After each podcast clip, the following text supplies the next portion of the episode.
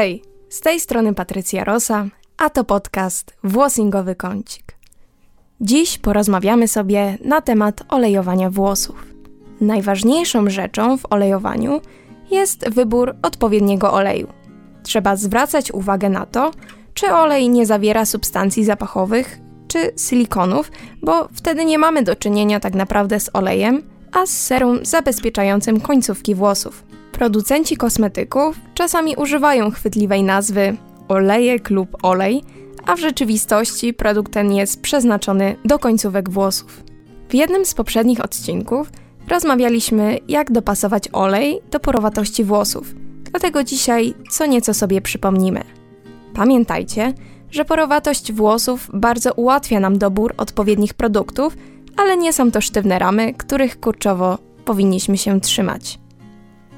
Niskoporowate polubią się z kwasami tłuszczowymi z grup nasyconych, np. olej kokosowy, masło shea, masło kakaowe, a także olej palmowy.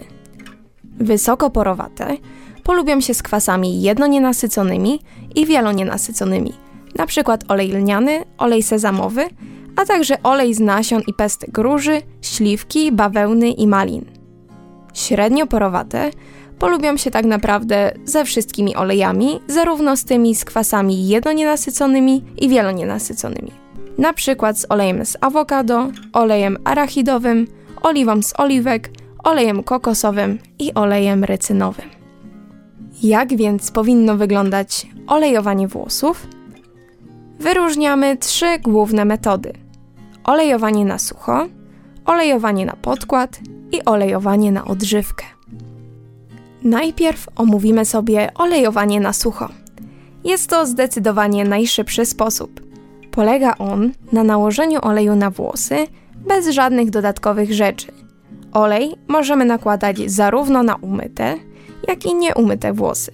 Jednak ważne jest, aby nie miały na sobie nadbudowanych silikonów, gdyż to nie pozwoli dotrzeć olejowi do struktury włosa a więc dajemy niewielką ilość oleju na ręce, rozcieramy go, a następnie pasmo po paśmie nakładamy na włosy, omijając skórę głowy. Pamiętajcie, że tutaj panuje zasada mniej znaczy lepiej. Więc jeśli nałożycie ogromną ilość oleju, to wcale nie sprawi, że lepiej wpłynie on na wasze włosy. To tylko po prostu utrudni wam jego domycie. Jaki ma być czas olejowania? Tutaj nie ma jednej odpowiedzi. Trzymamy tyle, ile chcemy. Niektórzy nakładają godzinkę przed myciem, niektórzy nawet na całą noc, więc tak naprawdę wszystko zależy od Was samych. Drugą metodą jest olejowanie na podkład. Jest to sposób, który łączy nawilżenie z olejowaniem. Tutaj, przed nałożeniem samego oleju, najpierw dajemy tak zwany podkład, czyli coś humektantowego.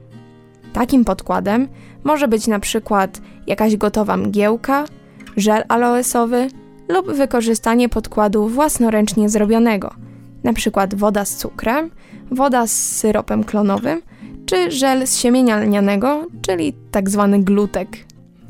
Tak naprawdę wszystko, co jest humektantem i jest połączone z wodą, może nam stworzyć mgiełkę nawilżającą. A więc zwilżamy nasze włosy wybranym podkładem a następnie nakładamy na nie olej, pasmo po paśmie, omijając skórę głowy. Jaki ma być czas olejowania? Tutaj zaleca się, aby trzymać od pół godzinki do godzinki. Trzecim przykładem jest olejowanie na odżywkę. Jednak jest to chyba najmniej popularna propozycja z tych trzech metod. Sam ten punkt dzieli się na dwa podpunkty. Możemy na suche lub mokre włosy nałożyć odżywkę, a później nałożyć olej lub dodać do dowolnej bezsilikonowej odżywki trochę oleju i od razu całą mieszankę nałożyć na włosy. Jaki ma być czas olejowania? Zaleca się, aby nie przekraczał 40-50 minut. Decydując się na olejowanie z odżywką, musimy pamiętać, że trzymanie jej za długo może doprowadzić do rozpulchnienia się włosów, a to może spowodować, że włosy będą się ciągnęły jak guma. Więc już teraz wiemy, jak powinno się nakładać olej. Ale czy wiemy, jak go zmyć? Już przychodzę z pomocą. Gdy zabieramy się już za mycie włosów, powinniśmy najpierw postarać się wypłukać olej ciepłą wodą. Następnie nakładamy odżywkę lub maskę na dłuższą chwilę, tak 15-20 minut. I po tym czasie spłukujemy sobie całość ciepłą wodą. Prawie każda odżywka zawiera substancje powierzchownie czynne, które z łatwością zemulgują olej i będziecie mieć czyste, piękne i domyte włosy. W dzisiejszym podcaście podkreślam, żeby nie olejować skóry głowy. Jednak nie jest to błąd, tylko po prostu nie każdy olej się do tego nadaje. Ale więcej na ten temat powiemy już w innym odcinku.